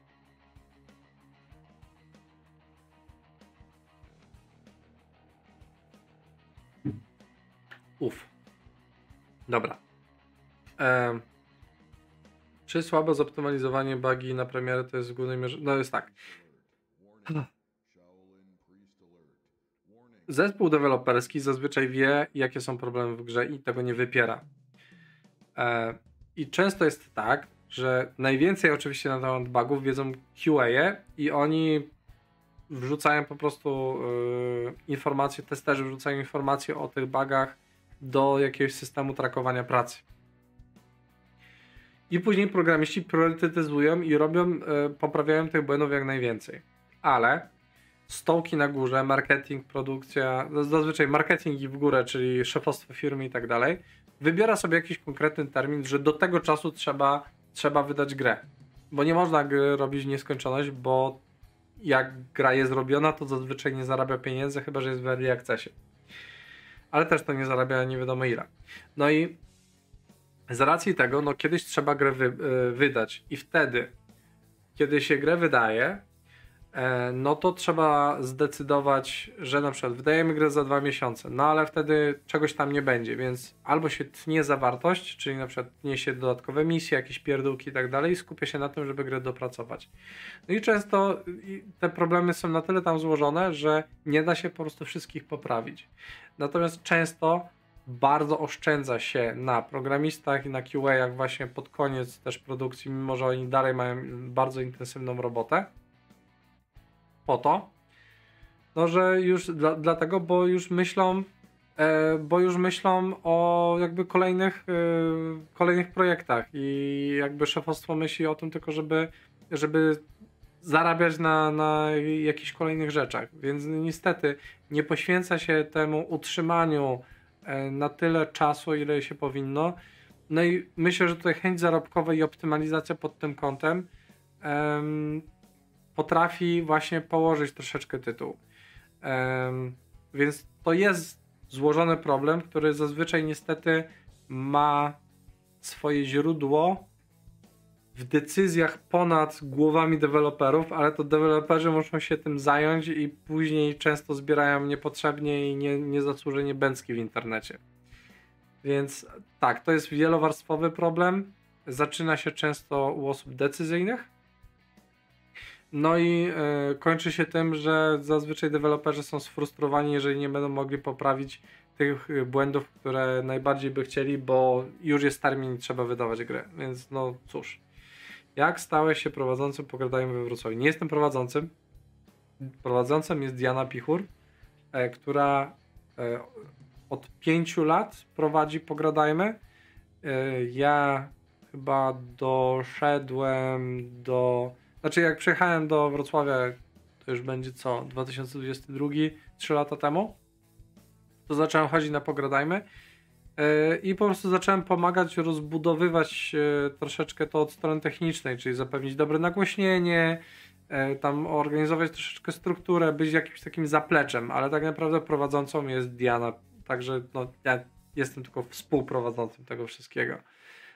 A wynikło to po prostu z chęci pomocy i z chęci rozwoju tego, no bo widziałem jak to funkcjonowało w Krakowie.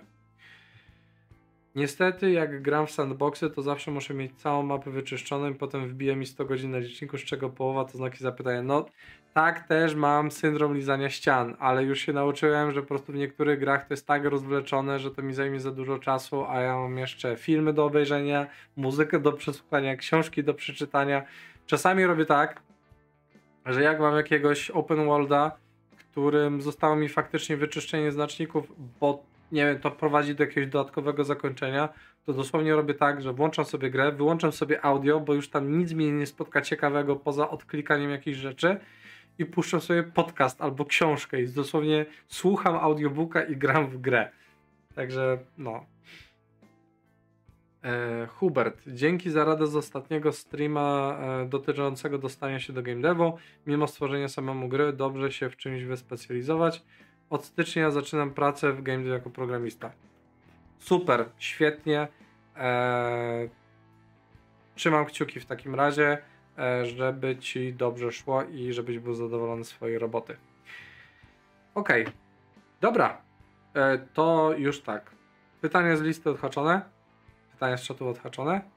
E, jeżeli się nie pojawią jakieś nowe, to w takim razie y, ja Wam bardzo dziękuję. Przesiedzieliśmy razem dwie godzinki.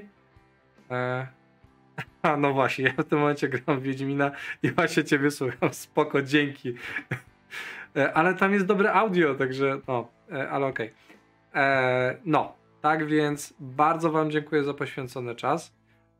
W jeszcze w tym tygodniu jakieś materiały na pewno wrzucę. Postaram się częściej wrzucać felietony, bo mam cały czas je zaplanowane, ale autentycznie pod koniec roku mi masa rzeczy osobistych i nie tylko zeżarła czas, żeby ich produkować więcej, także w przyszłym roku na pewno będzie więcej tego i też chcę na nowo wystartować podcasty, bo jakoś wykorzystać trochę te kontakty i gadać z fajnymi ludźmi, bo tych e, w branży nie brakuje.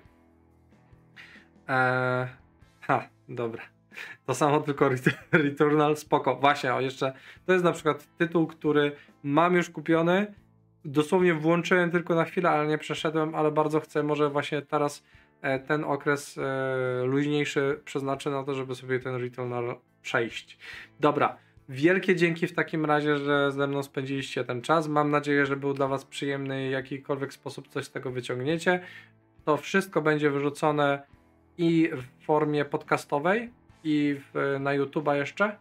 E, I no cóż, postaram się, postaram się produkować więcej jeszcze jakiejś takiej wartościowej, e, wartościowych treści, e, też w formie pisanej. Dajcie znać i tutaj też, też motywuję Was, że jak wrzucę to na YouTube'a, to jak przypomni Wam się, abyście mieli jakieś sugestie, jak jeszcze ulepszyć ten kanał. Ja wiem, że chcecie streamy, e, analizy, to też schodzi przy tym trochę czasu i ja staram się jakoś to wszystko pogodzić. Nie wiem na ile się to uda, e, ale na pewno będę próbował i na pewno w momencie, kiedy wyjdzie Vitriol, to będzie ono ogrywane.